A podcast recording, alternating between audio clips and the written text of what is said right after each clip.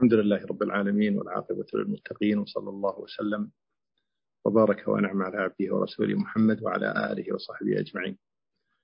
أه نرحب بإخواننا جميعا في هذا اللقاء المبارك ونسأل الله سبحانه وتعالى فيه التوفيق والسداد وأن يجعل أعمالنا خالصة لوجهه الكريم لا بطرا ولا رياء ولا سمعة.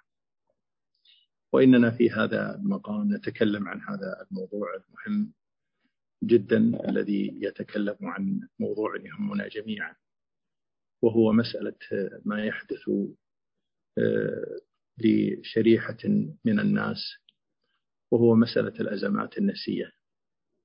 وإن كنا نريد أن نعبر بتعبير أدق أن هذه الأزمات لا يخلو منها أحد من الناس وإنها تختلف من شخص إلى شخص من ناحية القوة ومن ناحية الضعف ومن ناحية الكثرة والقلة. وإلا فالإنسان دام أنه يعيش في هذه الدنيا فلا بد أن يتعرض إلى شيء من الخلل وشيء من هذه الهموم والأحزان والمنقصات التي تأتيه. مرة هو الذي يبحث عنها ومرة هي التي تأتيه من غير اختيار. التي يبحث عنها هي التي لا يزال المرء يتلقف في عينه وفي آه، تلك المواقع التي تختلف من مكان إلى مكان. ومن مقام إلى مقام يبحث عن أمور يظن بها شيء بها شيئا من السلوى وهي تزيده هما وغما.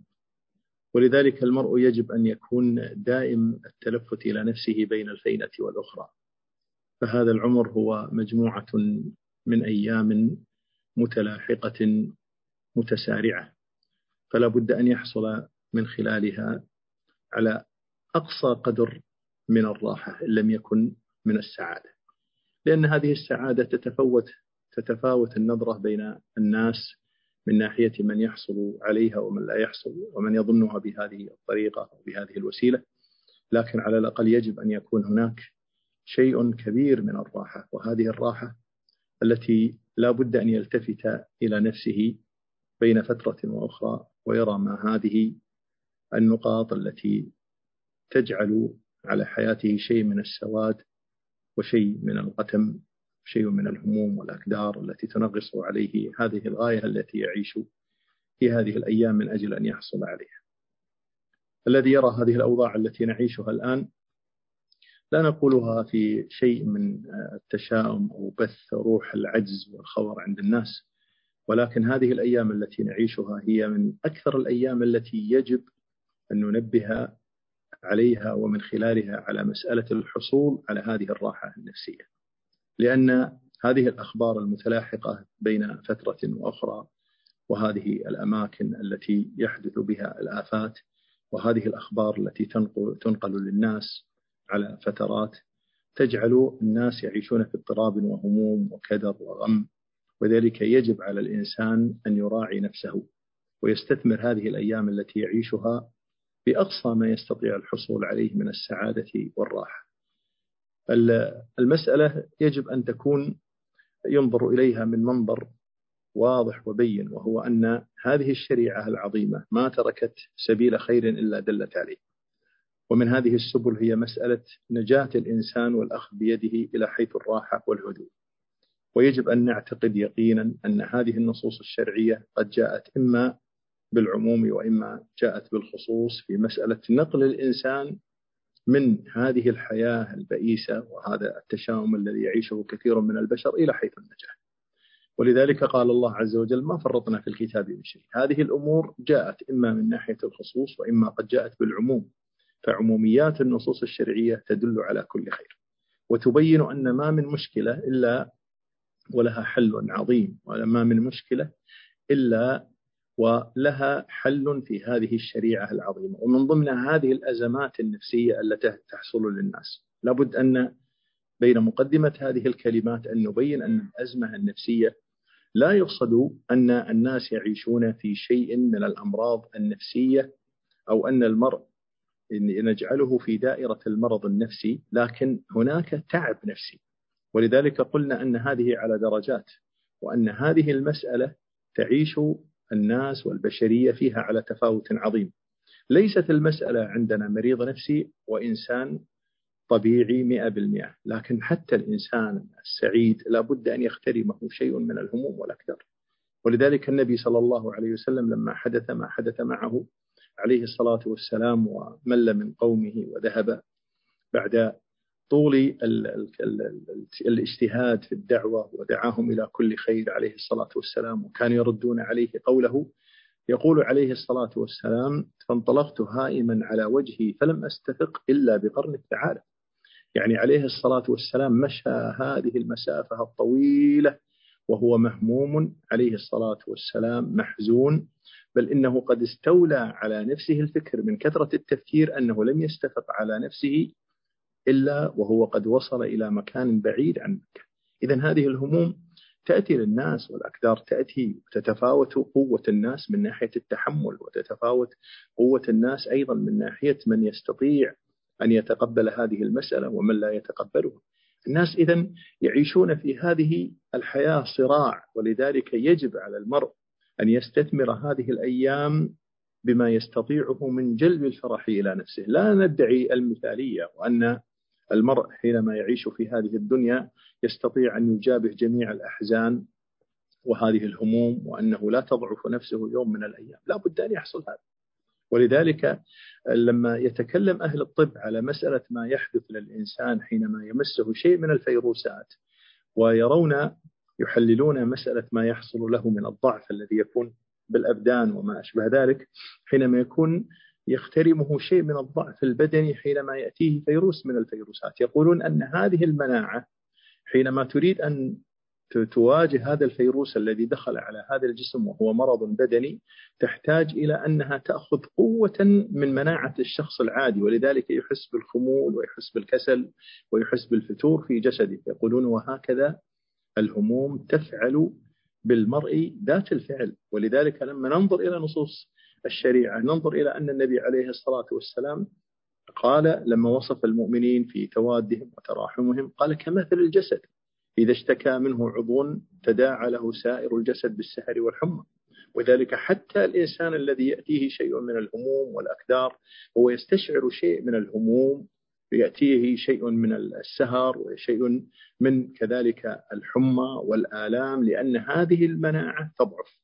وتكون هناك بعض الغدد التي حينما يكون الهم قد ترسب على الشخص وعلى حياته وعلى قلبه وجاءته شيء من الهموم وهذه الأكدار يكون الإنسان يصل إلى مرحلة من المراحل أنها تضعف هذه القوة ويخور هذا الجسد. ولذلك يكون أحيانا يتصرف تصرفات تظن أن هذا الشخص لا يتصرفها لأنه قد يكون حمل نفسه شيئا من من الأمور التي قد بلغت إلى مجال يتصوره أنه قد بلغ فيه نهاية الطاقة ولذلك إذا أردنا مسألة علاج هذه الأزمات النفسية يجب أن نكتشف الأسباب التي تؤدي إلى ذلك.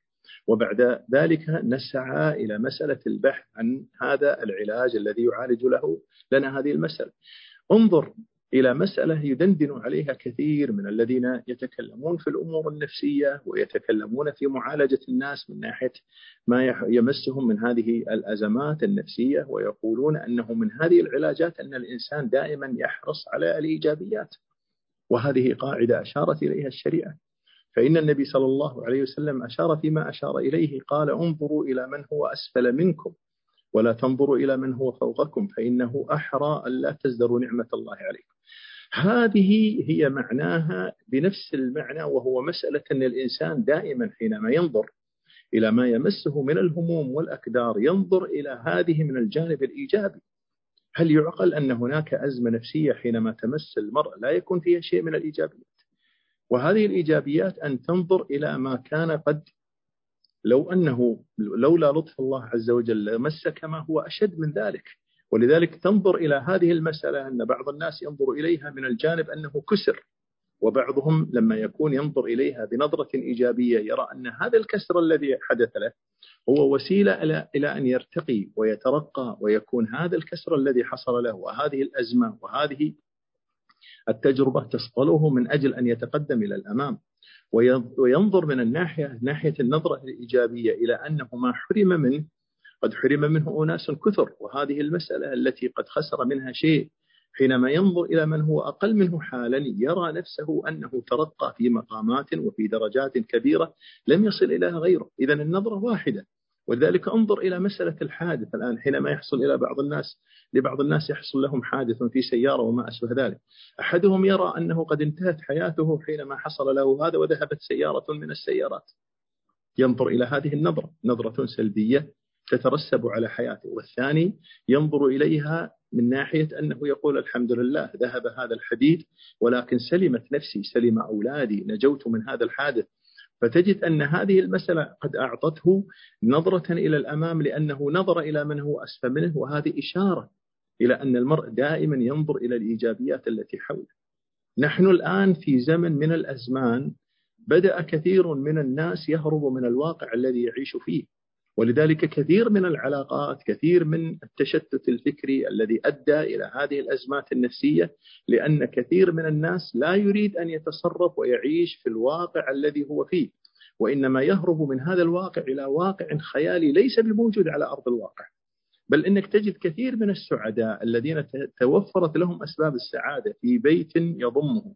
وفي والد يرعاه وفي أم ترعاه وتعيش معه تجد أنه يتخيل أنه محروم تجد أنه يعيش إلى أن الوالد لا يحبني وأن الوالدة لا تشعر بي وكثير من الناس يجعل نفسه في هذه الدائرة حتى تصبح حقيقة من الحقائق. بينما الإنسان العاقل الذي يريد أن يعيش عيشة هنيئة أو على الأقل عيشة فيها راحة كبيرة. ينظر إلى الواقع على أنه واقع موجود. حتى لو كان فيه سلبيات كيف نتعامل مع هذا الواقع؟ الأمنيات كثيرة ولكن الواقع أصدق من الأمنيات. يجب أن نعرف هذه الحقيقة أن الواقع أصدق من الأمنيات. الأمنيات الإنسان يتمنى أشياء ليست بمتناولة بل إنه لو أنه أرادها لن يحصل عليها. وليس المقصود البحث عن هدف يريد الوصول إليه بل إن الإنسان يجعل له هدف وسيصل إليه بعد توفيق الله عز وجل. لكن المقصود أنه يحصر نفسه في هذه الدائرة وهي أنه ربما لا يوفق في حال من الأحوال. مثلا الآن كثير من الزوجات تشتكي من زوج لا يفهمها أو أن هذا الزوج لا يحن عليها أو أن هذا الزوج لم يتوفق في طريقة العلاقة مع زوجته من ناحية الهناء المعيشي والهناء الأسري. وهذا الارتباط الوثيق الذي يستشعره المرء بينه وبين زوجته. كثير من الأزواج يستشعرون نفس هذه الحقيقة وأن هذه المرأة لا تشعر فيه ولا تحس به. ما المخرج من هذا؟ إذا وضعنا أنفسنا في نفس الدائرة نريد أن نحل المشكلة ربما لا تحل هذه المشكلة. إذا لابد أن ننتقل إلى خطوة أخرى وهو أن نتعامل معها كواقع لا نتعامل معها بشيء لا بد أن يتغير لأنه ربما لا يتغير. لذلك كثير من المشكلات الآن الأسرية التي تحدث في البيوت أن الرجل يريد المرأة تتغير والمرأة تريد أن الرجل يتغير ولن يتغير ولن تتغير. إذا ما هي القضية؟ يجب أن أتعامل معه كواقع. أعيش لنفسي فيما أستطيع وأمتع نفسي بما أستطيع وأعطيه الحق الذي أوجبه الله علي من ناحية طاعة الزوج لأن الله جعل له الطاعة ومن ناحية رحمة الزوجة والإنفاق عليها وكسوتها وتوفير ما أمرني الله عز وجل به شرعا. هنا حينما أنتهي من الواجبات هذه الكماليات أسعى إلى تحصيلها. لكن ربما تحصل وربما لا تحصل. حتى ما يحدث عندنا دائما النتيجة التي ليست بموجودة على أرض الواقع. ولذلك كثير الآن من الذين ينظرون ودمروا بيوت الناس من ناحية مسألة تحقيق الشخصية وما يحثون الناس عليه وتجد المرأة إذا وصلت إلى عمر معين بدأت تقول أريد أن أعيش لنفسي أهملت الزوج وأهملت الأولاد لأنهم يريدون أن يعيشوا بشيء ليس على أرض الواقع. ليس على أرض الواقع. ولذلك حينما تحصل هذه النتيجة تجد أنه خسران مئة بالمئة. لن تستطيع المرأة أن تعيش بلا زوج ولن يستطيع المرأة أن يشعر بهناء بدون زوجة تعيش معه. إذا لو أننا أردنا أن نسلم في مثل هذا المثال لو أننا لم نستطع أن نستجمع هذه الأسباب التي توصلنا إلى غاية عظيمة ودرجة عظيمة من الهناء الذي نريده على الأقل نعيش بسلام. نعيش بسلام. فما بالك إذا كان الإنسان يجمع على نفسه أنه يتشتت فكره. يتشتت فكره يجمع على نفسه كثير من الأمور التي ليست الآن بموجودة في أرض واقعه. لا بد أن نبتعد عن المسألة الخيالات والأوهام. نعيش مع واقعنا كواقع. كم من الناس الآن يهرب من واقعه السعيد ويعيش ويجعل عقله محصورا في واقع ليس بموجود على أرض الواقع. كثير الآن تلتقي بين الشباب وبين البنات وتجد ما يتكلمون به وما يكتبونه وتنظر في أمورهم الخاصة وحين يستشيرونك وحين يطرحون عليك سؤالا وحين تأتي قضية من القضايا تجد أنهم يعيشون في خيالات كبيرة. كم من الحواجز زرعت بين الآباء والأبناء لأنها بنيت على خيال ليس بموجود على أرض الواقع. لأنه رأى فلان من الناس وظن أن أباه الذي هو يرى فعله أنه طيب معه وحسن العشرة وفيه خير وفيه رحمة والأم كذلك هرب من واقعه الذي يعيشه إلى خيال جعله في ذهنه قياسا على حياة فلان. فلان ليس كالواقع الذي تعيشه أنت. وحتى لو كان هذا أنت الآن تعاني لو على فرض أنك تعاني واقع معين وترى أنك مهموم من هذا الواقع ما السبيل إلى أن تخلص منه أن تغادر هذا الواقع؟ كيف أغادر هذا الواقع؟ هل أغادره بأوهام وخيالات؟ أم أنني أبذل الأسباب الذي التي توصلني إلى حياة أخرى وإلى مكان أكثر؟ تشتت الفكر هو الذي دمر كثير من الناس كثير من الناس يعيش بلا هدف. والهدف الذي يريده لا يدري ما هو.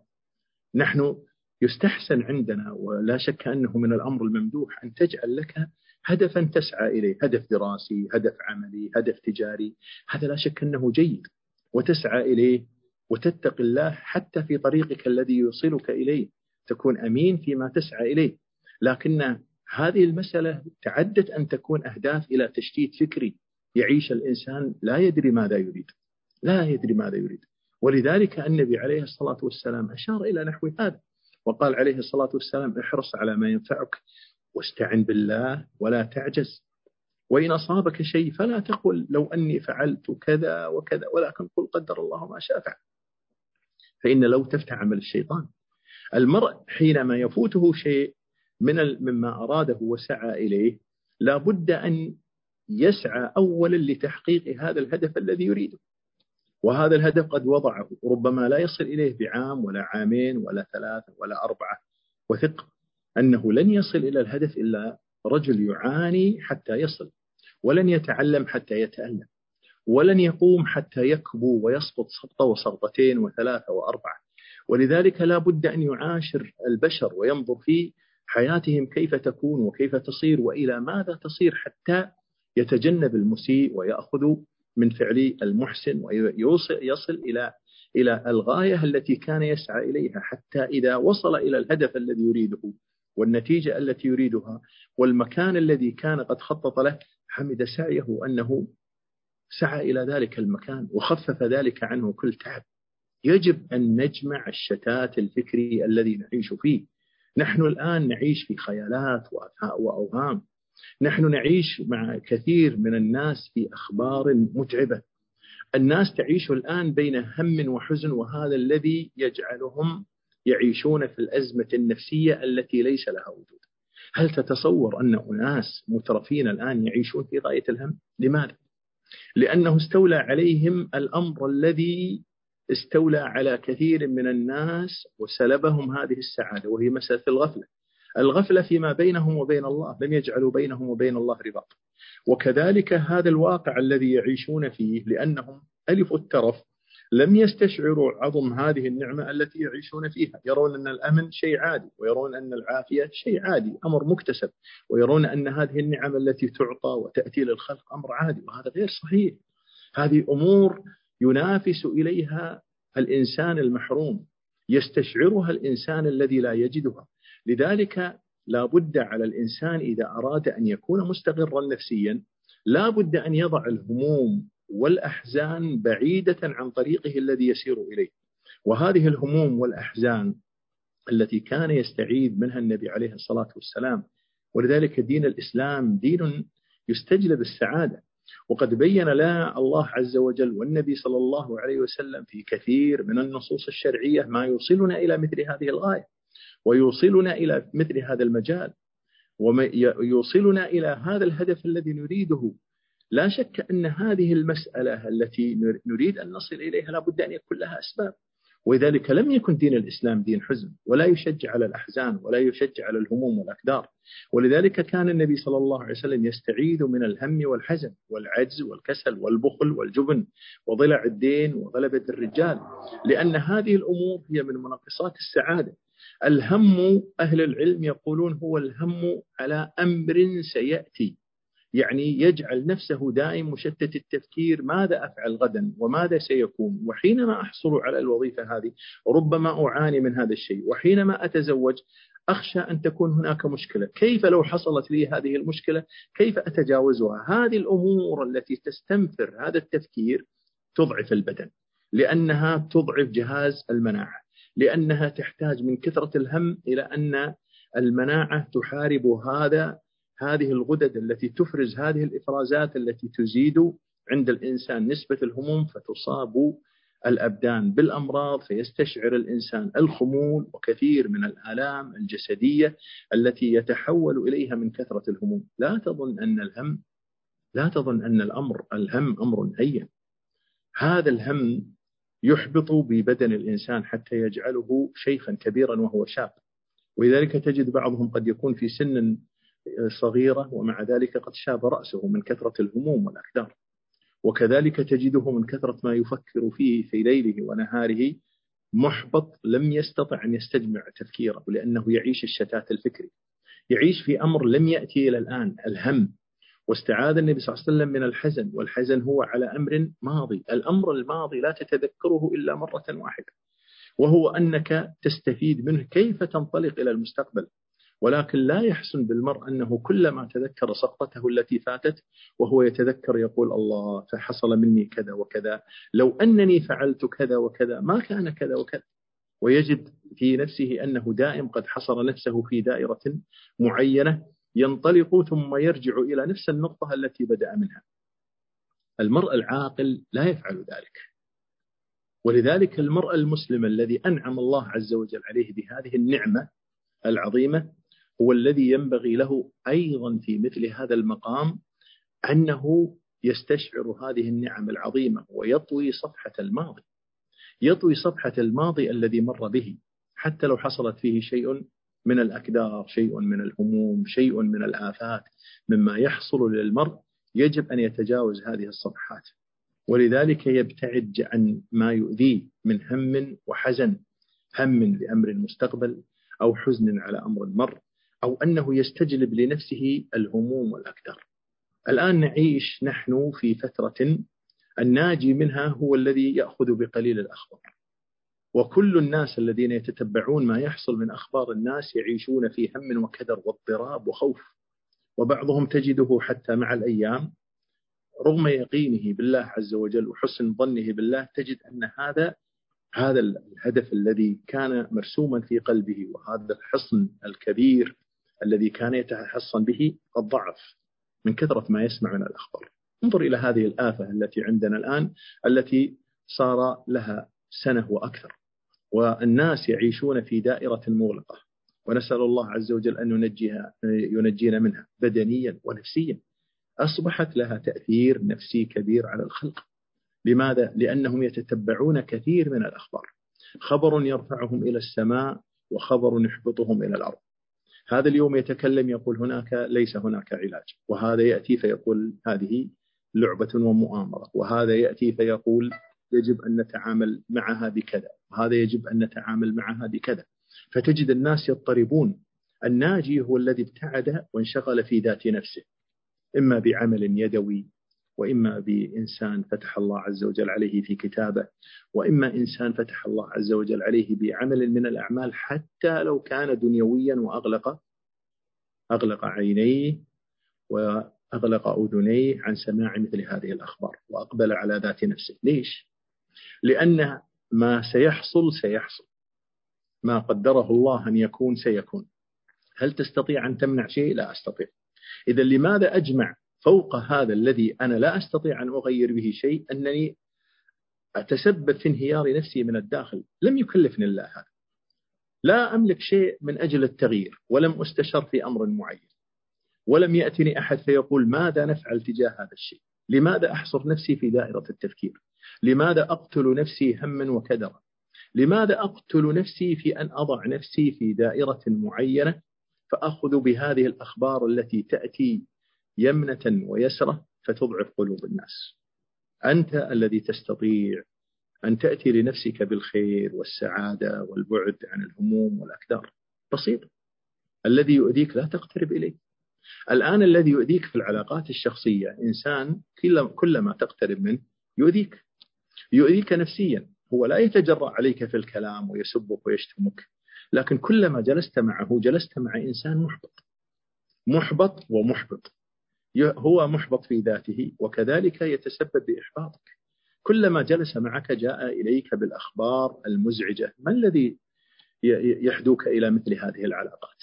ما الذي يحدث فما بالك حينما يكون هذا المرء ليس ملاصقا لك بل إنه عن طريق الأخبار المرئية والمسموعة وأنت تذهب إلى أن تستجلب هذا الهم إلى نفسك. لماذا أضع نفسي في هذه الدائرة؟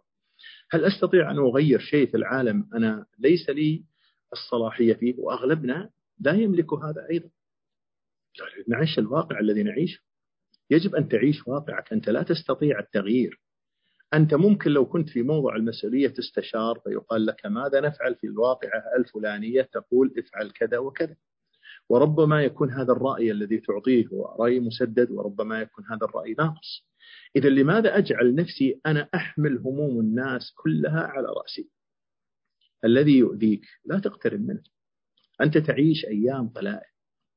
أنت تعيش أيام قلائل. أنت تعيش أيام وستمضي هذه الأيام يجب أن تستثمر بالراحة النفسية التي يجب أن تستجلب أسبابها من نفسك لنفسك. فالناس لن يستشعروا بك على الحقيقة. حتى الإنسان الذي يشكو للناس الآن يجب أن يعرف أن هذه الشكوى ربما تحتاجها أحيانا أن تفيض بما في قلبك لصديق قريب. هذا إذا كان مستمع إليك هذا مستمع جيد.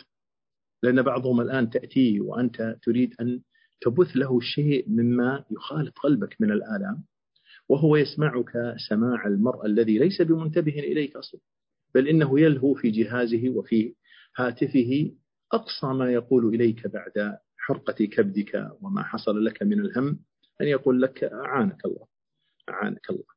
بعد هذا الحديث الكبير. قد يحتاج الإنسان أحيانا أن يفضي بما في خاطره في بعض القضايا. لكن لا تجعل هذا ديدا لك. لأن الصحيح أنه لن يستشعر الألم إلا أنت. لا يعرف الجرح إلا من به ألم. لا تشكو للناس جرحا أنت صاحبه. لا يعرف الجرح إلا من به ألم. الذي يستشعر ألم الجرح هو صاحب الألم. قد يأتيك بعض الناس ويستشعر ألمك مرة لكثرة الحب الذي يحبك. لكن مع ذلك ستبقى وحيدا في آخر الأمر. ولذلك لا يحسن بك في كثير من القضايا أن تجعل حياتك معلقة على الآخرين. لا يحسن بك أن تستجلب العاطفة وتسأل العاطفة في أمر فطري. العاطفة من الأبناء العاطفة من الزوجة هذا أمر فطري. أنت مأمور بأنك تبذل الأسباب. إذا كانوا أبناء تحاول أن تكتسب الأسباب التي تؤدي إلى العاطفة لأن حب الابن الذي يحب ابنه هذا حب فطري. وأما حب الأبناء هذا حب يحتاج إلى اكتساب. ولذلك كان الإمام مالك رحمه الله قال ينبغي للرجل أن يعطي أهله ويبذل إليهم بالعطاء حتى يحبوه. وذلك أنه يعطيهم من كثر ما يعطيهم إذا حبوه راح يستقبلون ما عنده. لكن انظر إلى كثير من الآباء الذي يشتكي من أبنائه الذي بذل زهرة حياته من أجل هؤلاء الأبناء. وهو يعطي وينفق وهذا أيضا واجبه وهو أمر فطري. ولكن أحيانا يكون من الأمور الكمالية. وبعضهم يزيد إليه إلى مرحلة الدلالة المفسدة. ومع ذلك في آخر وقته يأتي شاكيا فيقول أبنائي لم أحصل منهم خيرا فقد أعطيت وأعطيت وأعطيت. لأنك في هذه الزحمة في زحام هذا العطاء لم تلتفت إلى شخص مسكين يعيش في الجانب وهو نفسك. لم تلتفت إلى نفسك. ليش حنا دائما عندنا نقيض؟ إما أني أعيش نفسي والأولاد كل ينفع نفسه والزوجة لا شأن لي بها أناني لدرجة امتياز. ولماذا أعيش عيش الإنسان الباذل الذي يبذل ثم في نهاية المطاف يأتي باكيا؟ هناك مسألة وسط وهو أن تعرف أن الأمور هذه بيد الله حتى العاطفة هذه بيد الله. تأتي إلى بعض الأماكن يجعل الله عدوك يقوم بعملك فينجز لك ما تخاذل عنه الأصحاب والأصدقاء. هذه الأمور بيد الله. يجب أن هذا اليقين يكون أمر قلبي ليست المسألة فقط هي مسألة نظرية تقرير نظري. الناس لا يملكون لك شيء الناس يواسونك. الناس حينما تكون قد جرت عليك أقدار الله عز وجل ولو أنك أصبت بمرض ودخلت المستشفى الناس يتهافتون إليك في أول الأيام ويأتونك بكثرة. بعضهم محب وبعضهم مشفق وبعضهم يأتي من باب المجاملات. ثم في آخر الأيام وحينما تمر الأيام تصبح الآن من عداد المنسيين إلا من رحم الله. الناس يملون من كثرة المجيء والذهاب.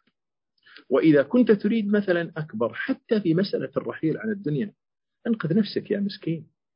حينما ترحل عن الدنيا لن يفتقدك ويخسرك إلا نفسك. ولذلك الحسن البصري رحمه الله لما رأى أناسا يبكون بشدة في المقابر على ميت لهم قال كلمة جميلة قال الباكي من كان باكيا فليبكي على نفسه. نحن الآن الواقع الذي نعيشه حينما تنظر إلى علاقات الناس بعضهم ببعض انظر إلى أجدادك. انظر إلى اسم جدك جدك الأول الذي بعد اسم أبيك. تنظر في كثير من حالنا تجد أنه لا, توجد هناك علاقة عاطفية. في الغالب أن أكثر الناس لم يرى جده حين مات.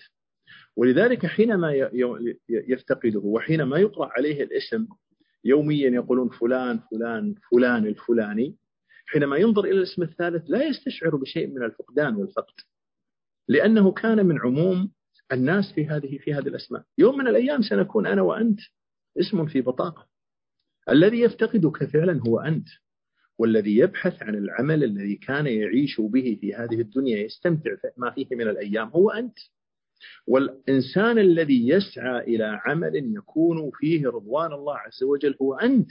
إذا أنت الذي تعيش في هذه الدائرة. لماذا تجمع على نفسك كثير من الهموم والأقدار والأمور التي ستأتي تفكر في مسألة الولد كيف سيعمل وماذا يتوظف؟ وهل سيكون هناك توظيف؟ هل تغلق مجالات التوظيف؟ الذي رزقك هو الذي يرزقك أنت مأمور ببذل السبب بس. أنت سبب من أجل أن يعتاش هؤلاء الأبناء بسببك بما تكد عليهم بما وفقك الله. وحينما تنظر إلى والدك أيضا سعى إليك سعيا حثيثا حتى بلغت إلى عمر معين. ثم بعد ذلك حملت نفسك. ووالدك الذي أفنى حياته من أجلك ربما لم يستفد منك درهما واحدا. ما استفاد منك شيء ولا طلب ولو أنك جئت تعطيه قال لا استمتع بمالك أنا ما سعيت من أجل هذا. إذا لابد أن نعرف أن هناك إنسان يجب الالتفات إليه. هذا الإنسان الذي يجب الالتفات إليه يجب أن يكون هو أكثر التفاتا لنفسه أنا وأنت والثاني. صحيح أن بعض الأمور تكون من باب التنظير لكن أتدرون متى يستشعرها الإنسان؟ يستشعرها عند الألم وعند الفقد وعند حينما يكون قد استجمع كثير من الأمور التي كان يظن بنفسه أنه بلغ فيها أن يحصل على النتيجة ولم يحصل على النتيجة. انظر كثير من الآباء الآن يشتكي يقول ابنتي أو ابني معي في نفس البيت. في نفس البيت يمر علي الأسبوع والعشرة أيام لا أرى. طيب وسيلة تواصل عنده هاتف لا يواصل أبيه لا يواصل أباه برسالة لا يطمئن عليه. العذر أن هذا يخرج إلى العمل فيدخل ذاك يدخل يذهب إلى عمله وهذه تذهب إلى الدراسة. هل هذا عذر؟ حتى في أيام الإجازة لا يراه ولا ترى. هل هذا عذر؟ أم هناك شيء خطير لا نستطيع أن نصلح به؟ أو أننا نستحي بعض الآباء يستحي أن يقول لابنه أنا أفتقدك. أنا أفتقدك لأنه يقول هذا أمر فطري. كيف آتي فأكسر نفسي إلى ابني؟ وهذا صحيح. طيب الابن هذا ألا ينظر ليس من باب البر على الأقل من باب الوفاء. هل أبوه سيء مثلا حتى يقول أقاطعه؟ له واجهت كثير من الآباء قد أفنى فبذل حياته كله من أجل أبنائه. وهو الذي يفكر دائما هو الذي يعيش في هذه الدائرة. زيادة على ذلك يفكر ماذا ستفعل فلان غدا؟ ماذا سيفعل فلان؟ أنت الذي تملك الرزق. من الذي يملك الرزق؟ الذي يملك الرزق هو الله. الذي جاء بك عاريا وكساك. الذي أعطاك وأنت كنت فردا وأغناك وكنت فقيرا. وكان ممكن أن يكون كان والدك في زمن من الأزمان فقير فأغناك الله ووصلت إلى منزلة عالية إذا لابد أن نعرف أن هناك فجوة هروب من الواقع الذي نعيش فيه. الدوران حول الأخبار الذي قد نقلتنا إلى شخصيات أخرى إما أخبار تستجمع الهم والأحزان دائما أو أنها أخبار ومقالات وكتابات نقلتنا إلى واقع لا يستحسن بنا أن ننتقل إليه. وبدأ كثير من الشباب وكثير من الرجال كثير من النساء يتبنى أفكار لا تصلح أن تكون فكرة له ولا تبني شخصية. لا نقول تبني أمة لا تبني شخصية. إخواني وأخواتي إذا لم نستطع أن نحصل على الراحة يجب أن نحصل على السلام. الآن تجد بعض الناس حينما يكبر سنه لا يسعى إلى تغيير امرأته مئة بالمئة. والمرأة حينما تبلغ سنا معينا لا تريد تغيير الزوج ولا تريد تحصل على الراحة. تقول الآن أريد السلام أريد الأمان أريد أن يجنبني لا يتحدث معي. لماذا وصلنا إلى هذا المستوى؟ لأننا مع الأسف الشديد لم نضع الأمور في نصابها الصحيح. وحينما أردنا أن نضعها في نصابها الصحيح بدأنا نطبق قواعد ليست بصحيحة لا تليق لا عرفا ولا أدبا. لما جاء بعض النساء الآن تريد أن تصحح الأخطاء التي دارت في حياتها لم تذهب إلى نقطة الوسط إنما ذهبت إلى الطريق الثاني الطريق البعيد وهو أنها ظنت في تحقيق الشخصية أنها تنبذ الحياة وتنبذ الزوج وتنبذ الأبناء من أجل أن أعيش حياتي. هذا كلام فوضوي. هذا كلام غير صحيح وبعض الأزواج كذلك. كأنه يعاقب نفسه على شيء من الأمور فإذا به يقصر حتى في واجباته الشخصية. علاقات الناس فيما بينهم وبين بعض تجدها تقوم على المزاج. مزاجه اليوم جيد يعامل الناس بابتسامة وخلق ويضحك. مزاجه اليوم سيء يأتي إلى نفس الرواية التي قيلت له بالأمس وضحك عليها. فإذا به اليوم تبنى شخصية جديدة بدأ قد جاءه شمس سمت آه، عجل وسمت مفاجئ. فإذا به يتصرف مع الناس بدأت تستشعر أن كثير من الناس لا تستطيع التعامل معه وتتعب في التعامل. وذلك لأننا ذهبنا على مسألة عن مسألة الواقع الذي نعيش فيه وتبنينا واقعا غير موجود ستحتاج نفسك في يوم من الأيام. ستحتاج أن تبحث عن هذه النفس في ثنايا ذاتك الذي تعيش فيه. تبحث عن هذا القلب وتريد الوصول إليه وهو بين أضلاعك. ولا تستطيع الحصول. لأنك لم تخطط تخطيطا سليما. لم تضع لك هدفا لتصل إليه. لم تجعل هذه العلاقات تعيش وتنمو وتكبر على قواعد معينة حتى تبتعد عن كثير من الأزمات النفسية. صدقوني إخواني وأخواتي كثير من الأزمات النفسية الآن ليست جاءت وليدة الفراغ بل إن هذه الأزمات النفسية نحن التي نستجلبها لأنفسنا. تجد المرء يعيش على هذا هذا الجهاز يتلقف الأخبار ساعتين وثلاثة وأربعة وخمسة. هل تظن أن هذا هذا الواقع الذي تعيشه لن يؤثر عليك نفسيا؟ لن يؤثر عليك؟ شوف الآن أضرب لكم مثلا الآن بعض الألعاب الإلكترونية التي يلعبها الأطفال ينهى عنها. بعض الخبراء وبعض المختصين يقولون لأن هذه تؤثر على هذه الأعصاب. نحن كنا نظن أنه حينما يميل مع هذه اللعبة يمينا ويسارا أن مسألة سهلة وأن هذا من باب الحماس. يقول هذا يتلف العصب. هذا يجعل الإنسان لا يتصرف بأعصابه. ليه؟ لأنه يحمل هذه الأعصاب شيئا أكثر من طاقتها الفعلية. كالذي قد قدر له أنه يحمل كيلو فيأتي فيحمل خمسين كيلوا كيلوا بهذا اليد. هل يستطيع أن يتحمل؟ لا. لكنه لا يستشعر أنه قد حمل نفسه فوق الواقع. هذا المثال ينطبق على أنفسنا كثيرا في أننا حملنا أنفسنا كثير من الأمور. حتى إذا جاء الإنسان في آخر نهاره أو أراد أن يأوي إلى فراشه بعد أن عاش مع هذه الأفكار المتعبة يوما ويومين ثلاثة وأربعة فإذا به في آخر أو في يومه ساعة وساعتين وثلاثة وأربعة لما يأتي إلى المنام فإذا به قد انهار نفسيا.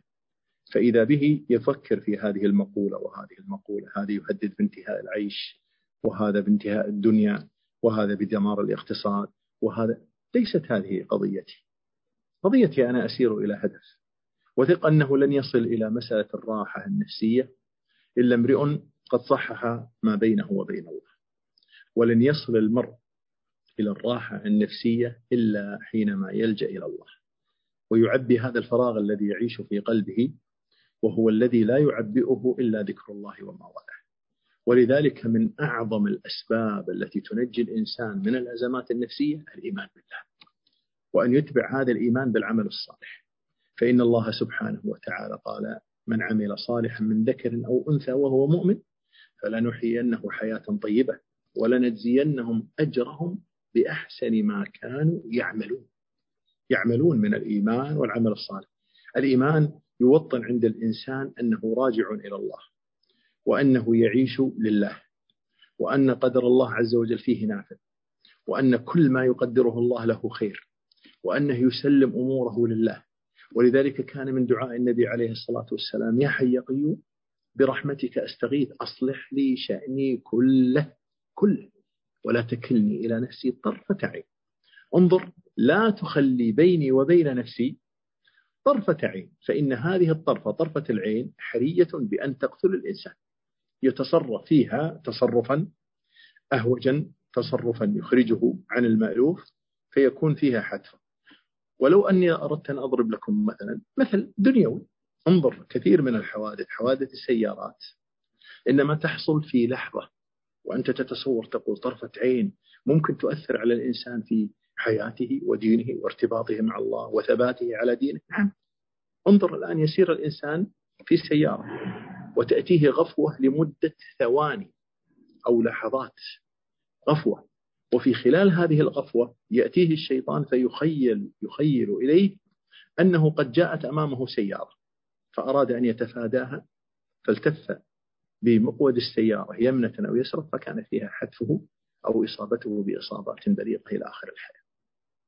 ولذلك إذا كنت تثق أن تخلية الله في مثل هذا المثال بين الإنسان وبين نفسه فيها هلاكة كذلك أيضا تخلية الله عز وجل بين العبد وبين ذات نفسه وبين ما يدور حوله فيها قتله معنويا وجسديا ودينيا.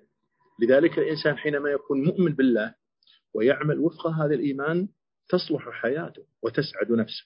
وربما لا يكون عنده ذلك العيش الدنيا الدنيوي الطيب الذي ينافس فيه من ناحية الغنى والأموال ومع ذلك في سعادة لا يستطيع أن يصل إليها أحد. ولذلك كان بعض السلف يقول إنه لتمر بالقلب أوقات.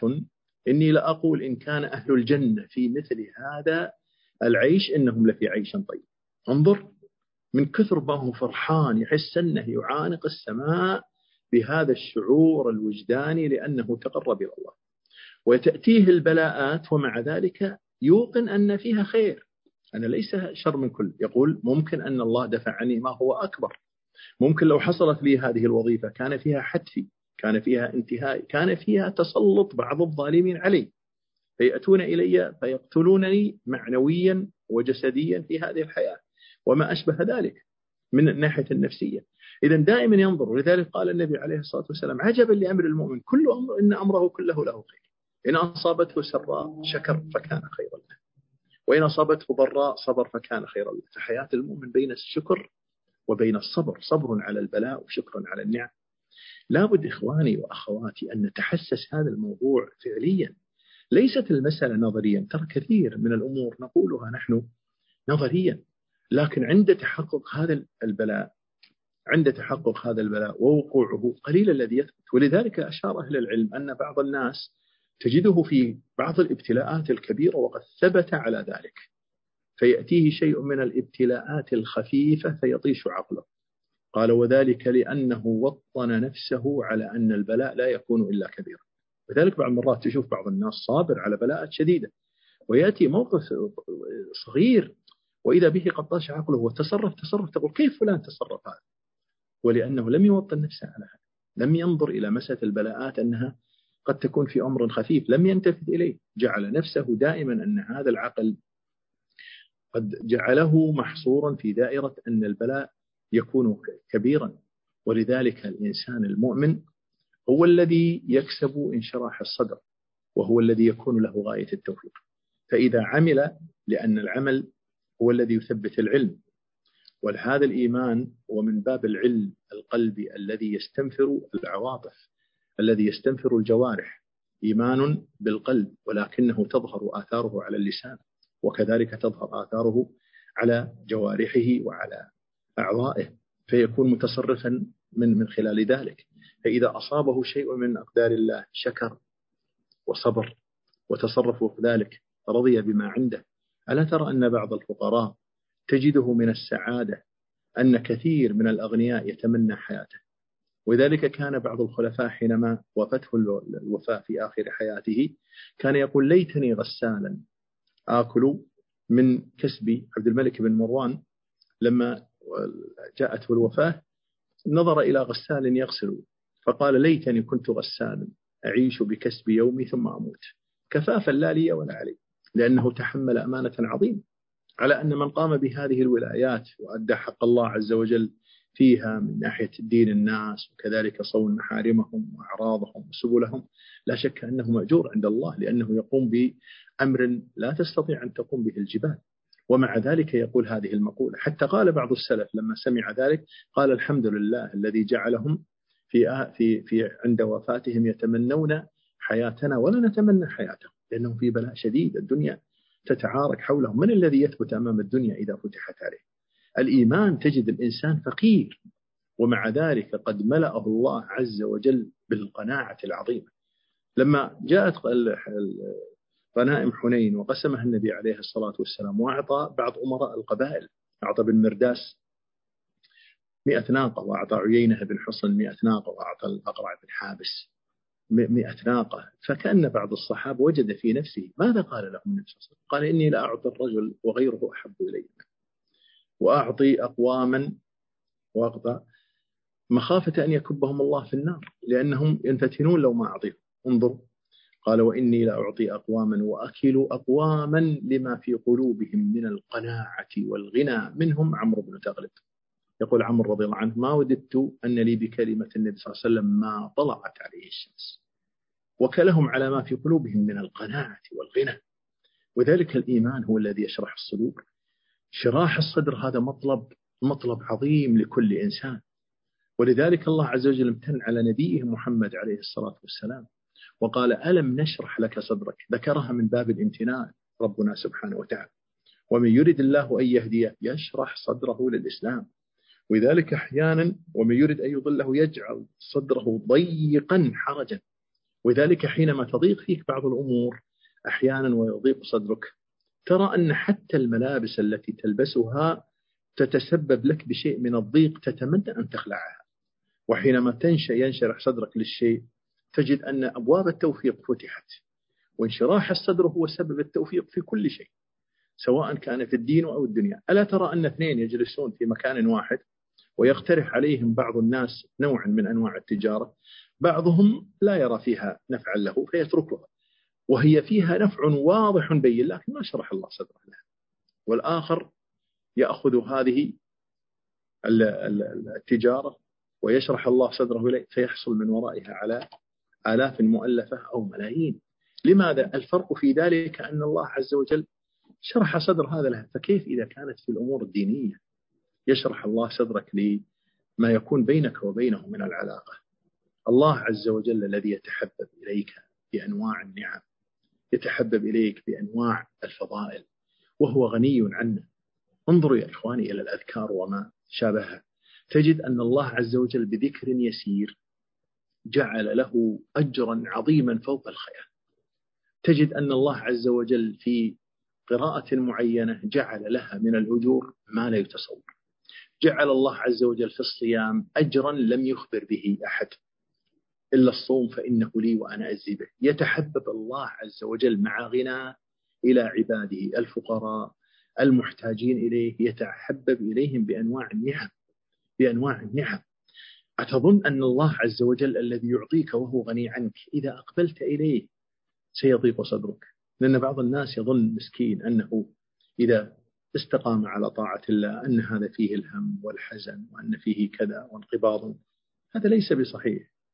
إذا أقبلت على إنسان الآن يحبك تحسن الظن فيه أنه سيكرمك لذلك. فكيف بالله عز وجل؟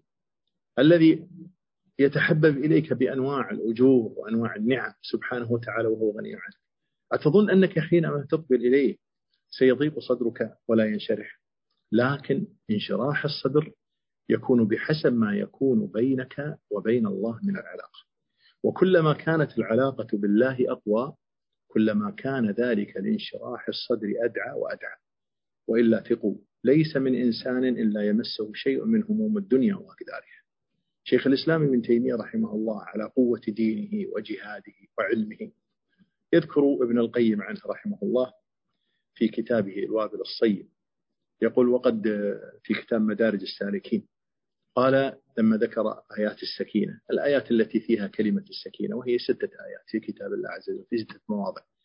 قال وقد أخبرني شيخ الإسلام تيمية قال أنه مرت بي بعض الأحوال الأحوال يقصد بعض أحوال الشياطين ووسوستهم ولشيء من الهم حتى إني وجدت من ذلك عنة شديدة. فقلت لمن عندي اقرأ آيات السكينة. يقول فما قرأها؟ فقرأها فما هو إن قرأها إلا وقد ذهب عني ما كنت أجد. يقول ابن القيم رحمه الله وقد مر بي نحو ذلك فقرأت آية السكينة فأذهب الله ما بي. هل تظن أنها كانت قراءة عادية؟ أم إنسان حينما قرأ هو يستحضر فرج الله عز وجل أمامه فتسبب ذلك له بانشراح الصدر. ولذلك على حسب ارتباطك مع الله عز وجل على حسب ما يجعل الله لك من التيسير. وعلى حسب ما يضع يجعل لك من الأجور. ذلك من الفوائد التي ذكرها أهل العلم في مسألة قول النبي عليه الصلاة والسلام أن صلاة الجماعة تفضل صلاة الفذ ب 27 درجة وفي لفظ 25 درجة. من الأقوال في الجمع بين الحديثين قالوا أن هذا بحسب قوة حضور القلب واستحضار القلب والخشوع وأداء حق الصلاة يكون لهذا 25 ويكون لهذا 27 وكذلك في الإقبال على الله. كلما كنت مقبلا على الله كلما كان ذلك سبب لذهاب كثير من الأزمات النفسية. ومن أسباب ذهاب هذه الأزمات النفسية نفع الناس. نفع الناس هذا أمر عظيم يتسبب في انشراح الصدور. لأنك حينما تتحسس في حاجات الآخرين لا يشترط أن يكون فقيرا. ربما تسمع إليه بعض ما يدلي به من الهم فتزيل ما في صدره من الهم فيكون لك فيه أجر ويكون فيك انفراج الدنيا انفراج هموم الدنيا. لماذا؟ لأن النبي صلى الله عليه وسلم قال من كان في حاجة أخيه يعني يسعى في حاجة أخيه ويقول فيه ساعي إلى أن ينهيها. كان الله في حاجته. هل تظن حينما يكون الله في حاجتك أن لا تكسب خيرا أو تحصل على أضعاف أضعاف أضعاف ما قدمته للآخرين؟ نفع الناس. نفع الناس باب عظيم من أسباب ذهاب الأزمات النفسية لأنه يذهب الأنانية ويجعلك مشغول في نفع الخلق وينالك شيء من دعائهم وتفرح حينما يسرون وتحزن حينما يضيقون وتجد انفراجة في صدرك حينما يتحقق الأمر على يديك وتحس أنك شعرت بتحقيق ذاتك من ناحية أنك لك نفع في المجتمع ولك دور في المجتمع. ذلك قال الله عز وجل لا خير في كثير من نجوى إلا من أمر بصدقة أو معروف أو إصلاح بين الناس ومن يفعل ذلك ابتغاء مرضات الله فسوف نؤتيه أجرا عظيما. هذه المسألة إصلاح بين الناس إصلاح ذات البين ربط ما بين القلوب توطيد العلاقات بين الناس ذهاب ما عندهم من المشاحنة والضغينة والبغضاء تأسيس مجتمع يشيل يصبح على الهدوء النفسي. ولذلك نفع الناس باب عظيم جدا من أنواع النفع. وكان السلف يسعون في ذلك السعي الحثيث ولهم في رسول الله صلى الله عليه وسلم أسوة حسنة. فقد كانت هناك امرأة في عقلها شيء من الجنون. فقال لها النبي عليه الصلاة والسلام يا أم فلان انظري إلى أي سكك المدينة شئت فناديني حتى أذهب معك فأنهي حاجتك. وكانت الجارية يعني الصغيرة تأتي إلى النبي عليه الصلاة والسلام محمد عليه الصلاة والسلام أعظم الخليقة قدرا فتأخذ بيده فيسير معها. بغاية الحلم والهدوء عليه الصلاة والسلام والتواضع مع طفله يذهب معها حتى ينهي حاجته لأنهم تحسسوا لأنه هو الذي يعلمنا ما يفعل نفع الناس.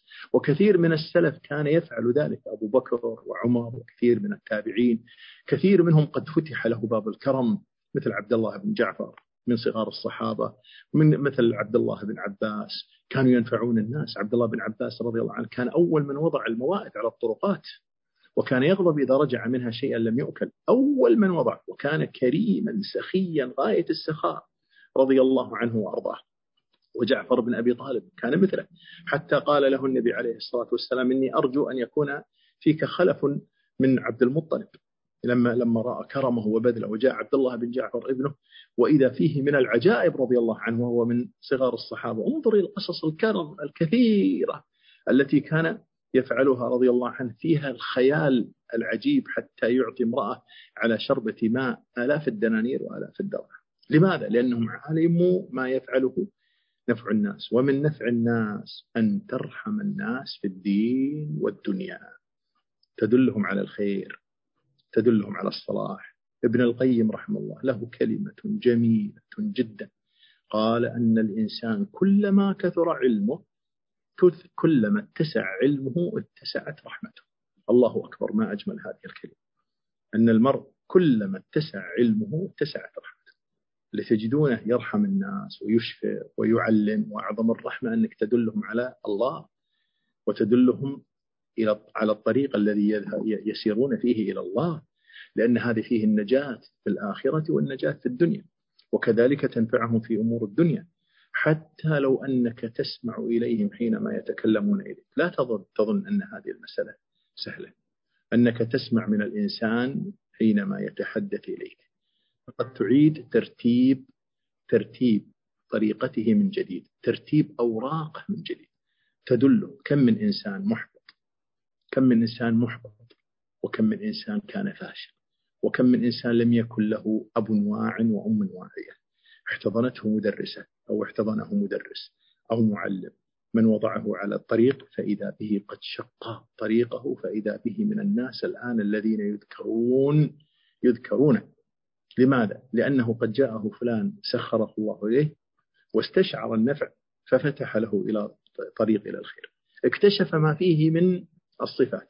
لم يعامله كما عامله الآخرون. الآن عندنا بعضهم لما يأتي في عمل معين فيقولون عندك فلان أي هذا طالب فلاني قال والله درسته هذا طالب مشاغب هذا طالب كذا هذا طالب كذا. تمر السنوات فيأتيه مدرس فيأخذ ولكنه عاقل يأخذ معه ويعطي فيرى أن هذا الطالب يعاني من مشكلة في بيته فيعيد ترتيب أوراقه من جديد. فإذا به وقد بزغ نورا وإذا به قد وضعه على الطريق الصحيح وإذا بفلان الذي كان يرى مدرس واثنين وثلاثة وأربعة كانوا يرونه مشروع فشل فإذا به يتحول إلى مشروع نجاح. لماذا؟ لأنه استمع إليه. ولذلك يحسن بنا في هذا الزمن أن نتعامل مع الناس كما يقول أهل التربية في معاملتهم مع الأطفال. يقولون أن الطفل حينما يأتي يشكو إليك فإنه لا يبحث عن حل القضية بل إنه يبحث عن مسألة الاستماع. ولذلك ربما يأتي الطفل إليك فيشتكي يقول فلا تزيد على أن تقول له بهذه الطريقة. عجيب. فعل كذا فيأتي فيسترسل إليك فيدلي ما فيه ثم يقول لك لكني أنا رددت عليه أنا ضربت أنا فعلت كذا ثم يذهب. كثير من الناس الآن يبحث عن الاستماع. ربما يتحدث معك بعض الناس يعرف أن مشكلته ليس لها حل. لكنه يستحي أن يشكيها لأحد بل وإنه لولا أن يمنعه الحياة لبكى بين يديك. ولسالت عبراته بين يديك. وانفجر باكيا.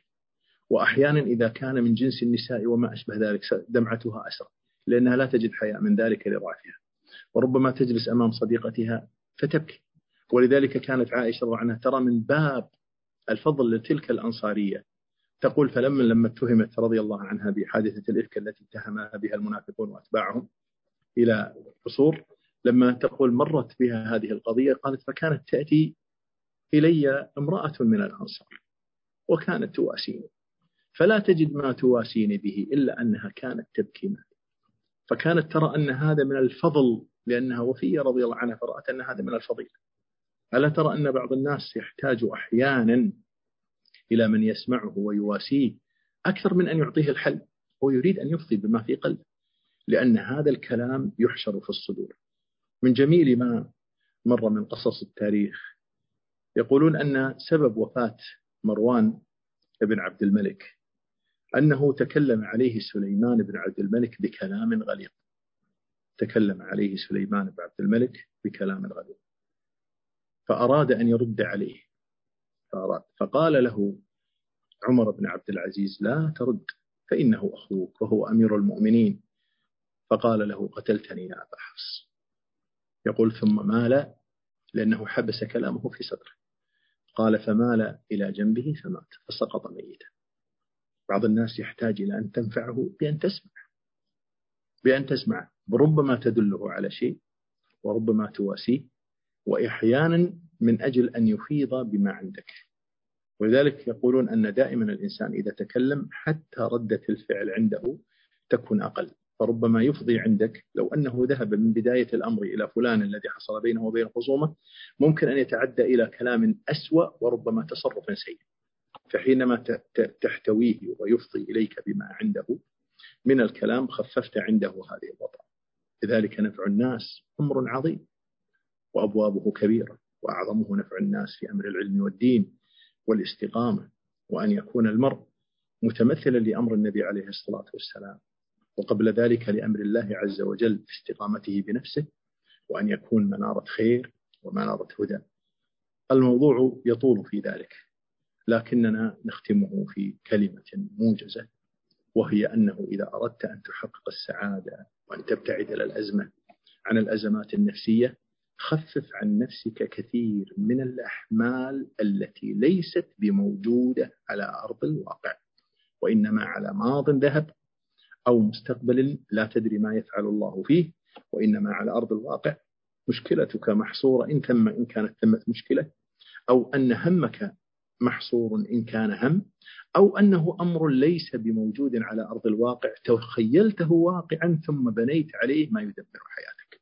فإذا أردت أن تكون سعيدا تستجلب أسباب السعادة ألغي كثير من الأحمال وكثير من الأفكار وعش مع واقعك كواقع حتى تستطيع أن تتصرف مع هذا الواقع فتجد لنفسك المخارج التي تخرجك وتغير حياتك إلى حيث السعادة وما فيه هدوء النفس والنجاة مما حصل في مجريات هذه الحياة التي تقوم كثير من أفكارها على الأوهام.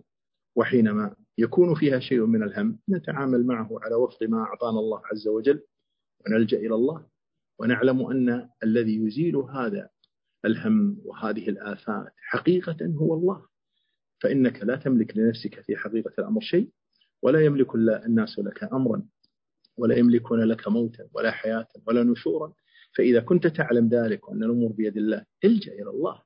فإنه هو القادر سبحانه وتعالى على تذليل الصعاب وتغيير الأحوال وأن يورثك السعادة بعد أن كدت أو وقعت في هذه الأمور الهموم والأزمات النفسية. موضوع يتشعب لكننا حاولت أن أستجلب منه طرفا. أسأل الله عز وجل أن يكون فيه نفع وأن يكون فيه خير. وأن يجعلنا هداة مهتدين غير ضالين ولا مضلين وأعتذر عن إطالتي في هذا الموضوع. جزاكم الله خيرا شيخنا الفاضل وحفظكم الله ورعاكم. أسأل الله أن يبارك فيكم وفي وقتكم. آه، بعض الأسئلة إن شاء الله نطرحها عليكم. آه، نبدأ ببعض الأسئلة المكتوبة. آه، هنا سؤال. لبس الأساور الجاذبة للطاقة الإيجابية. واستخدام الأحجار والجواهر لدفع الطاقة السلبية وغيرها من الوسائل. هل التعامل معها يتنافى مع التوحيد؟ لا شك أن هذا يتنافى مع التوحيد لأن هذا من باب تعليق التمائم وهذا جعلها سبب وهي ليست سبب. يعني هذه ليست سبب وليس لها أثر واقع على على الحقيقة. ولذلك قال النبي عليه الصلاة والسلام من تعلق تميمة فقد أشرك يعني علقها وتعلق قلبه بها. وهذا ليس هناك ما يدل لا حسا ولا آه، عرفا ولا طبا أن هذه تفعل هذا الفعل. هذه من جنس من جنس التمام. ولذلك هذه من قوادح التوحيد. رأى أنها سبب من الأسباب فهذا شرك أصغر وسيلة إلى الشرك الأكبر. وإن كان يرى أنها هذه تضر وتنفع مع الله أو من دون الله فهذا شرك أكبر صاحبه خارج من ملة الإسلام. لذلك هذه من الأمور الدخيلة التي جعلها بعض الناس من باب العلوم وبالمناسبة هذه العلوم وفيها كثير من الكتب الآن كتبت ولله الحمد منا ورسائل علمية أن هذه أصلا أخذت من عبادات وثنية حرفت وجعلت من باب أنها طب وحينما تنظر إلى إليها في أرض الواقع تجد أنها أمور لا تستند إلى عقل بل إن العقلاء يضحكون عن مثل تصرفات هؤلاء. نعم. آه، هنا سؤال آخر. يقول السلام عليكم شيخنا. آه، كيف يمكننا أن نقي أنفسنا من التأثيرات السلبية بسبب كل الأخبار أو بسبب الأخبار المأساوية التي تصلنا من الإنترنت والتلفاز في حين صار من المستحيل الاستغناء عن هذه المصادر الإخبارية؟ شكرا جزيلا.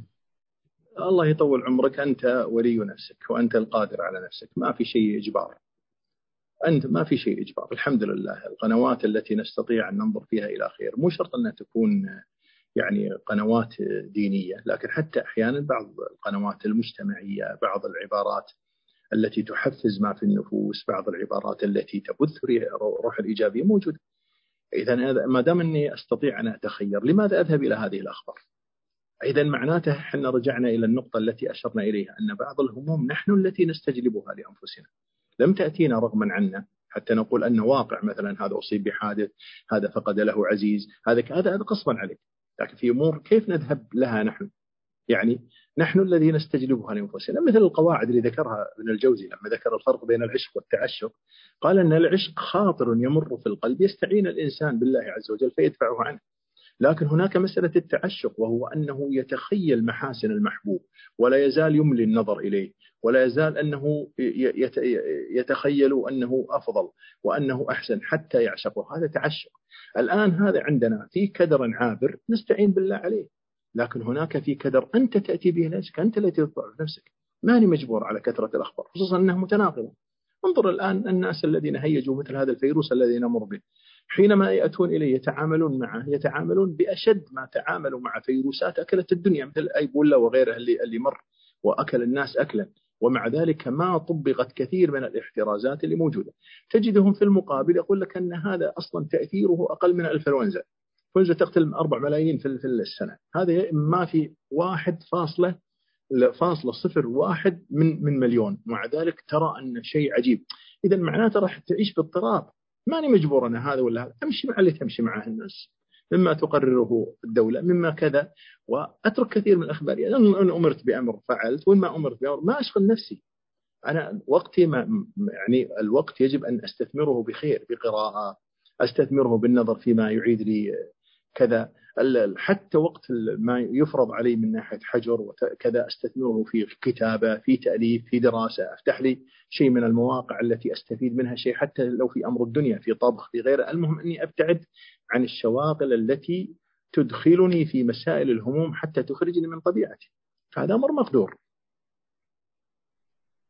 آه، هنا سؤال آه، تقول السائلة الحمد لله أنا متفائلة وأحسن, وأحسن الظن بالله بأن الوباء سيزول بإذن الله تعالى وأنه لحكمة. لكن المتشائمين والمخوفين بالموضوع يخوفوني.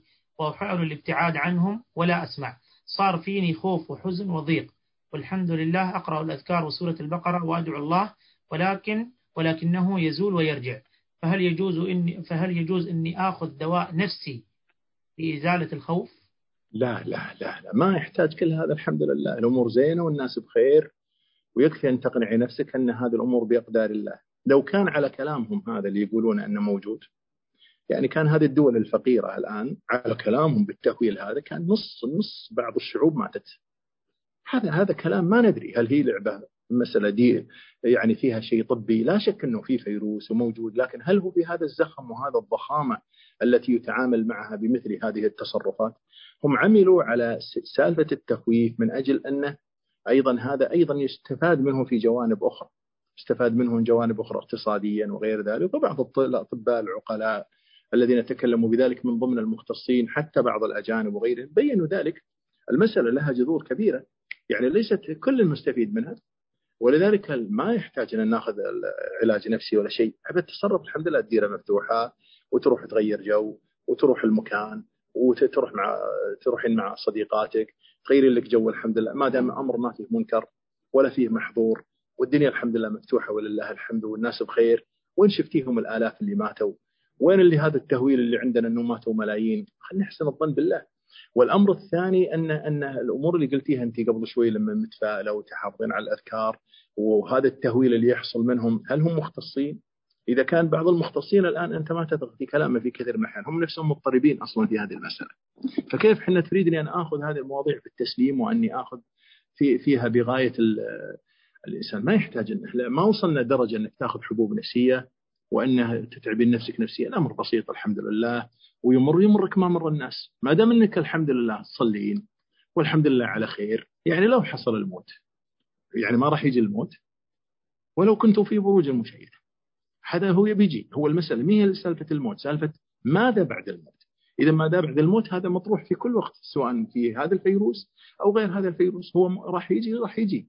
لكن مع حسن الظن بالله وأكثر من قراءة أحاديث الرجاء في الله عز وجل وغفران كثير من الذنوب وكذلك الله عز وجل أنه ادخر 99 رحمة رحمة واحدة يترحم بها الخلق فيما ترين. فالله عز وجل غني عن تعذيب عباده. لما تقرأ والله أحاديث الرحمة وأحاديث الرجاء تقول أن الله عز وجل لن يعذب أحد من الناس. يعني من كثر ما تحسن الظن بالله. فما بالك فوقها بعد أن 99 رحمة مدخر سبحانه وتعالى. ما يحتاج لا حبوب ولا شيء. الأمر بسيط. اطلعي غيري جو. اقرأ القرآن وصلي. وأيضا غير جوك شوي. على الأمور اللي مفتوحة باستراحة بروحة في الاجتماع تجلسي مع الناس آه، مع الناس اللي اللي ميولهم قريب من ميولك. واستأنسي. يعني الحين في بعض الناس الآن كل واحد وجوه. أنا مثلا لو في مجلس يسولفون عن السيارات ما أحب أجلس معهم مو ميولي. واحد ثاني ما يحب يجلس مع ناس يسولفون بالكورة مو ميوله. طيب أنت نفس الشيء تصرفي في هذا تصرف الدنيا. مو ميولك هذول دوري غيرهم. الحمد لله إن المسألة ما يحتاج لأن ما وصلت الحبوب اللهم لك الحمد. الأمور بخير والله بخير الحمد لله. هذه أمور راح تنقشع إن شاء الله وينقشع مثل غيرها شوف الحين الحمد لله تابع الأخبار الحلوة. شوف السعودية اليوم رجعوا ما شاء الله المصاحف للمدينة وأمس اللي يصرحون تصريح في عاجل يقول لك إن شاء الله في رمضان الحياة طبيعية بعض الناس تشك فيه لما تشوف بلد كبير وما شاء الله ويمشي بهذه الخطوات وواثقين من نفسهم وعلى ما كثر عدد الشعب اللي عندهم وتلقى لك بلد صغير ومع ذلك تصريحاتهم أكثر من شعبهم. لا لا الأمور بسيطة ما وصلت إلى إلى الحبوب ولا شيء الحمد لله استعن بالله ولا تعجز كما قال الله عز وجل كما قال النبي صلى الله عليه وسلم. جزاك الله خير شيخنا. من باب التنويع نأخذ سؤال الشفهي الأخ عبد الله نور. ممكن تفتح التليفون وتسأل الشيخ. الأخ عبد الله نور. أو الأخ أبو أحمد سراج. أيكما يفتح الميكروفون؟ ممكن يسأل الشيخ.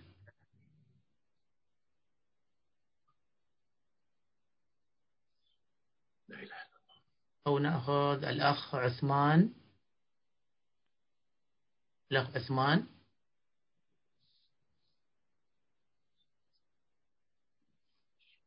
طيب على العموم الظاهر يمكن طريقة فتح الميكروفون.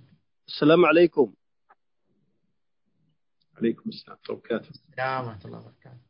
فضيلة الأستاذ جزاك الله خيرا وبارك الله فيك وجعل لك في ميزان حسناتك كل ما قدمت لنا من المحاضرة الطيبة. أستاذي أبغى منك أنت, أنت, أنت ترشدني إلى كتاب يتحدث حول مراقبة الله عز وجل وحول التوكل على الله. كتاب يركز على هذين هذين الموضوعين وجزاك الله عنا كل خير. نعم. الكتاب الله يسلمك هناك آه، بعض الكتب العامة. الآن لا أستحضر عنوانا خاصا لكن أوصيك ونفسي بكتب ابن القيم رحمه الله. خصوصا كتاب مدارج السالكين تناول في هذا جانبا كبيرا من ناحية التوكل على الله من أعظم الكتب وأجملها.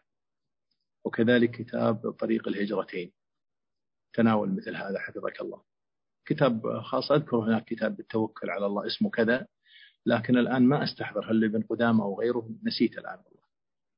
الله يحفظكم.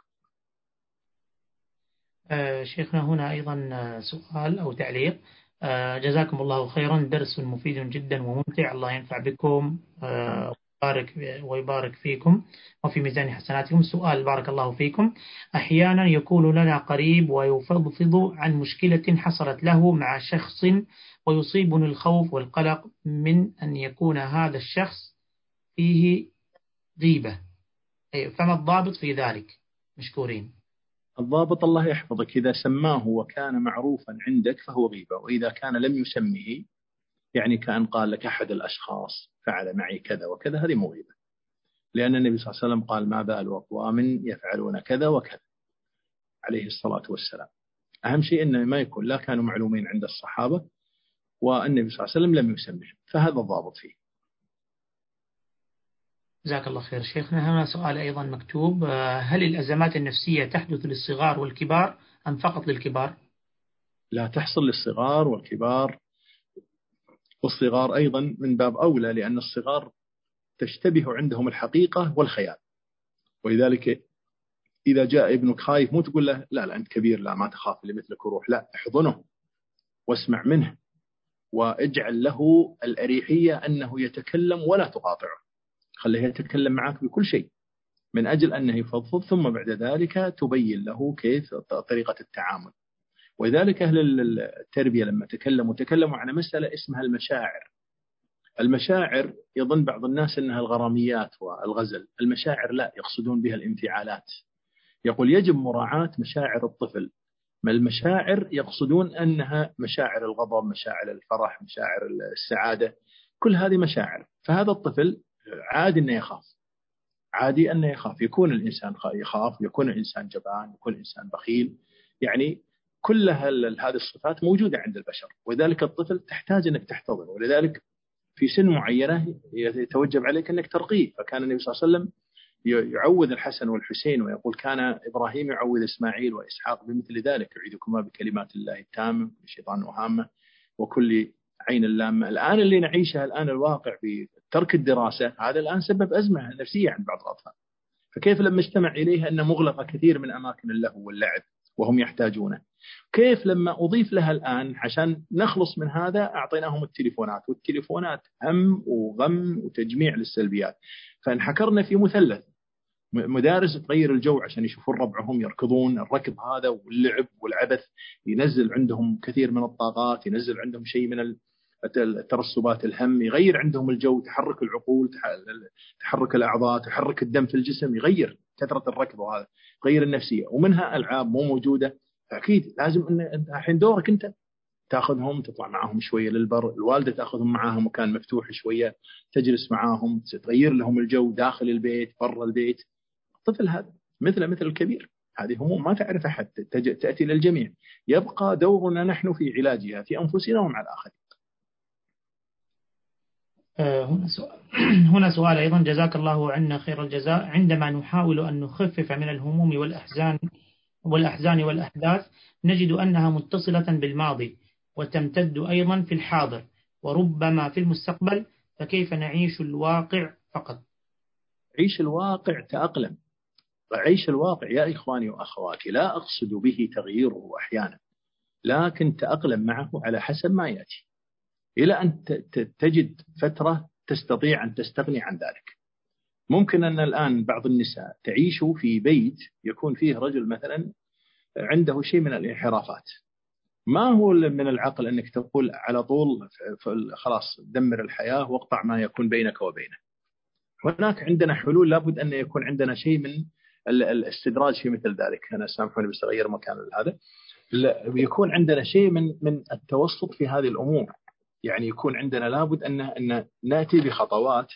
هذه الخطوات يجب أن نكون حينما نتعامل بها نتعامل بها بشيء من التدرج في طريقة الحل. طريقة الحل. لابد أن يكون عندنا طريقة. ما نذهب إلى إلى إلى مباشرة إلى أننا نذهب إلى إلى دمار الحياة وما أشبه ذلك. نقول نقول ما تغير الواقع؟ هل ندمر الواقع كليا أو أننا نستطيع إلى أن نصل إلى نقطة معينة؟ وهي أننا نتأقلم مع هذا الواقع على حسب ما يأتي به. فنتأقلم. يعني ما ما عندنا أحيانا الإنسان يعيش في دائرة معينة. الماضي لا تستطيع أن تغير فيه شيء.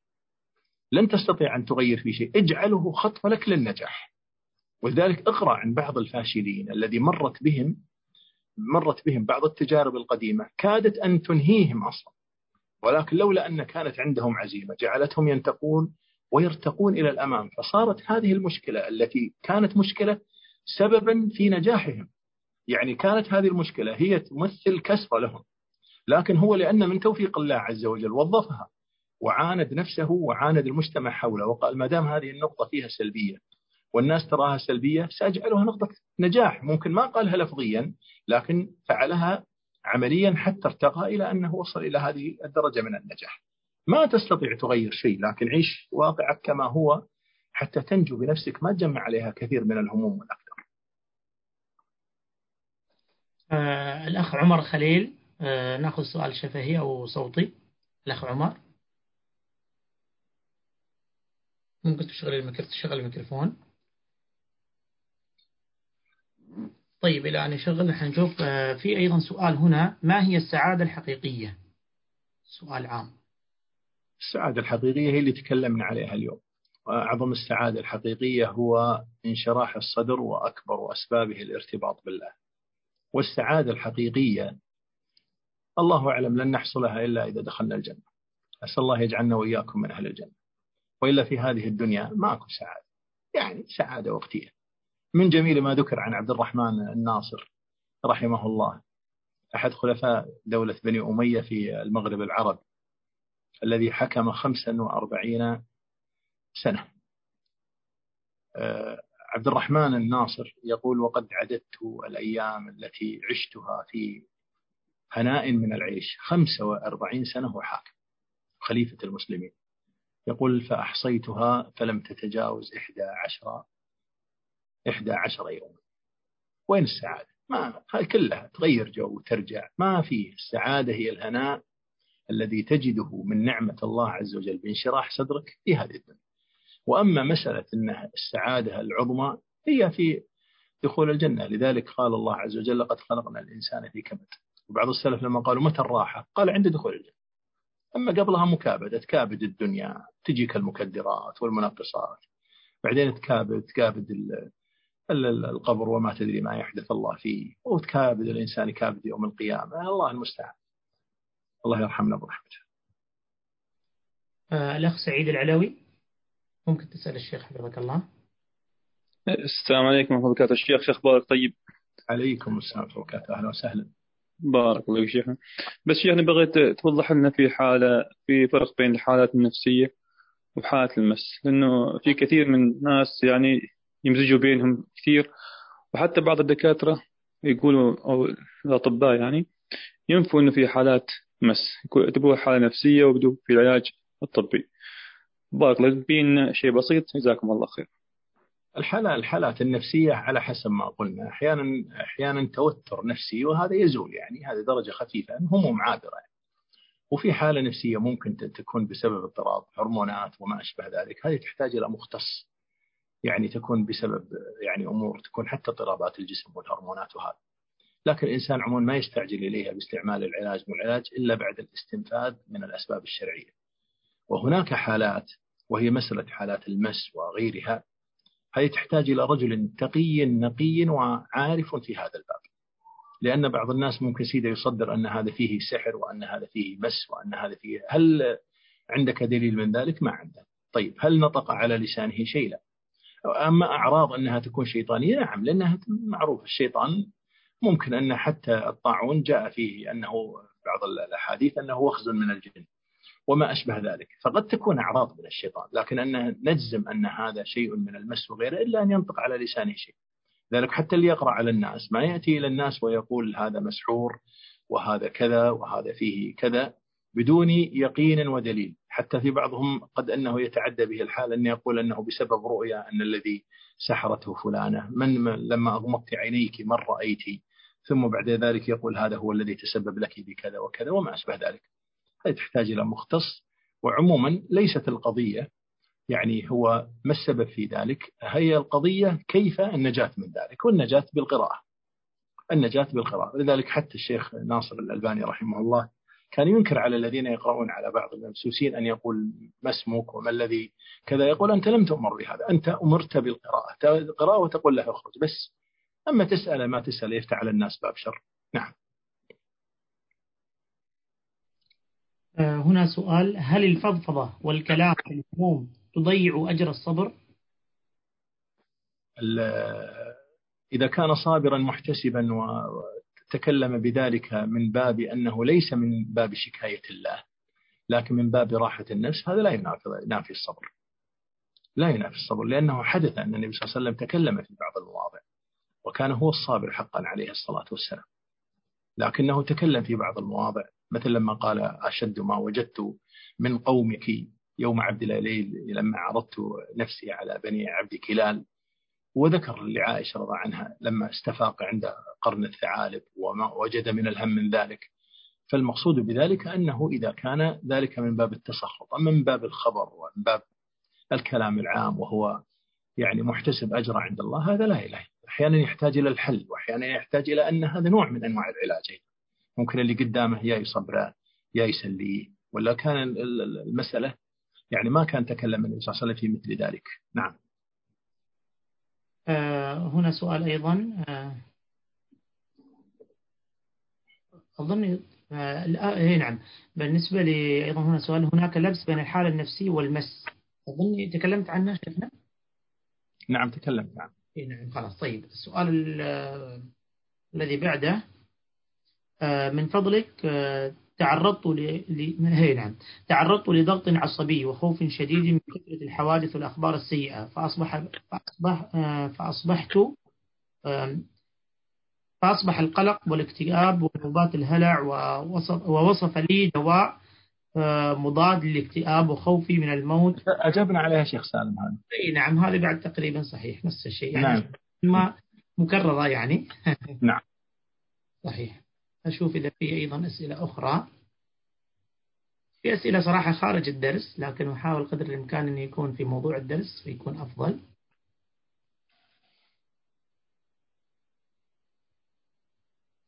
آه هنا أيضا سؤال.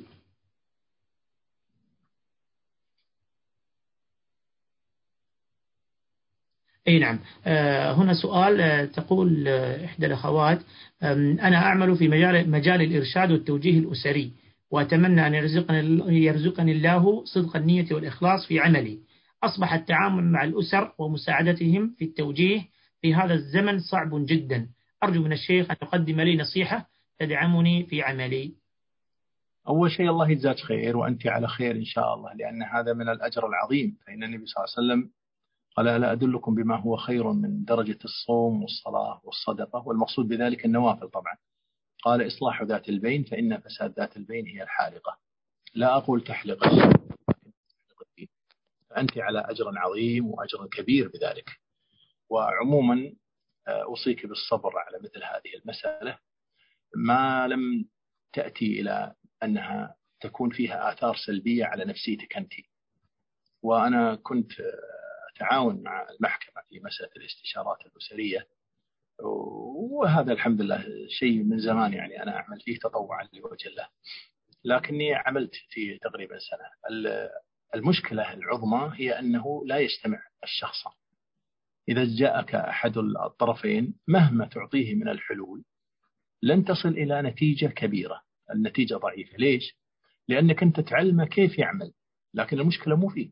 هو يذعل لك في هذا لكن المشكلة في الطرف الآخر. لذلك إذا كان اجتمع الشخصين هذه نعمة عظيمة وتستطيع أن تصل معه إلى حل فلا شك احتسب الأجر وهذا أجر عظيم وفيه خير كبير. ما لم يؤثر على نفسيتك أنت مو الحياة الخاصة لا يأثر على نفسيتك بحيث أنها تصير المشاكل هي آه، في حياتك وتبقى متوترة ويأثر على وجودك في البيت ويأثر على وجودك مع الزوج ويأثر على دائما مستنفرة وتعصبين وتغير خلقك مع الوقت. لا نجاة النجاة. هذه نصيحة خاصة يعني لأن أحيانا تصل إلى درجة أنك صدرك وسيع وتبي تحل مشاكل الناس لكن تصل إلى درجة أن يأثر عليك سلبا في حياتك أنت. فلم تحصل على الربح وخسرت رأس المال. أما إذا تشوف أنك تحمل الحمد لله ما أثر عليك الصبر زين وحلول المشاكل نعمة والإصلاح بين الناس وغدا الله ينجي فيك بيت واحد يكون يبنى على السعادة والصلاح فتأخذ أجرهم نعم. آه نأخذ السؤال الأخير. آه كيف أفرق بين الابتلاء والعقوبة؟ الابتلاء والعقوبة إذا كان الإنسان صالح من أهل الخير وعلى طاعة وصلاح ولله الحمد هذا ابتلاء. والعقوبة يكون إذا كان الإنسان على غير صلاح وعلى غير هدى وكثير المكر كثير الحسد فيه خبث داخلي. وقد تكون العقوبة أيضا نعمة من الله حيث يرجع الإنسان إلى الله فتنتقل تكون فيها حسنة وخير ولله الحمد. فقد إنه يعاقب لكنه هذه العقوبة ترده إلى الله فتكون خير له من كثير من بعض الحسنات التي لو سعى إليها مباشرة على ما يظهر فيها مباشرة. نعم. جزاكم الله خيرا شيخنا الفاضل وحفظكم الله وبارك الله فيكم حقيقة ومحاضرة ممتعة ونافعة. الله يحفظ إذا تريد توجه كلمة أخيرة شيخنا. أبدا أشكر جميع الحضور وتشرفت فيكم. وجزاكم الله خير على حضوركم وسماعنا على ما عندنا من التقصير والخلل. والله يبيض وجيهكم وهذا من حسن ظنكم فينا. وبيض الله وجيهكم أنكم احتبستوا هذا واحتسبتوا هذا الوقت أيضا. احتبستوا نفوسكم واحتسبتوا عند الله. أسأل الله لا يضيع أجرنا وأجركم وأن يستعملنا في طاعته وأن يجعلنا هداة مهتدين غير ضالين ولا مضلين. الله يجزاكم خير. ويجزى الشيخ سالم على هذه المبادرة. وأنها اختصنا في الأجر جزاه الله خير من باب من على يعني من بين إخواننا الكرام الفضلاء أهل الفضل وأهل العلم. الله يجزاكم خير. اللهم آمين. جزاكم الله خيرا شيخنا.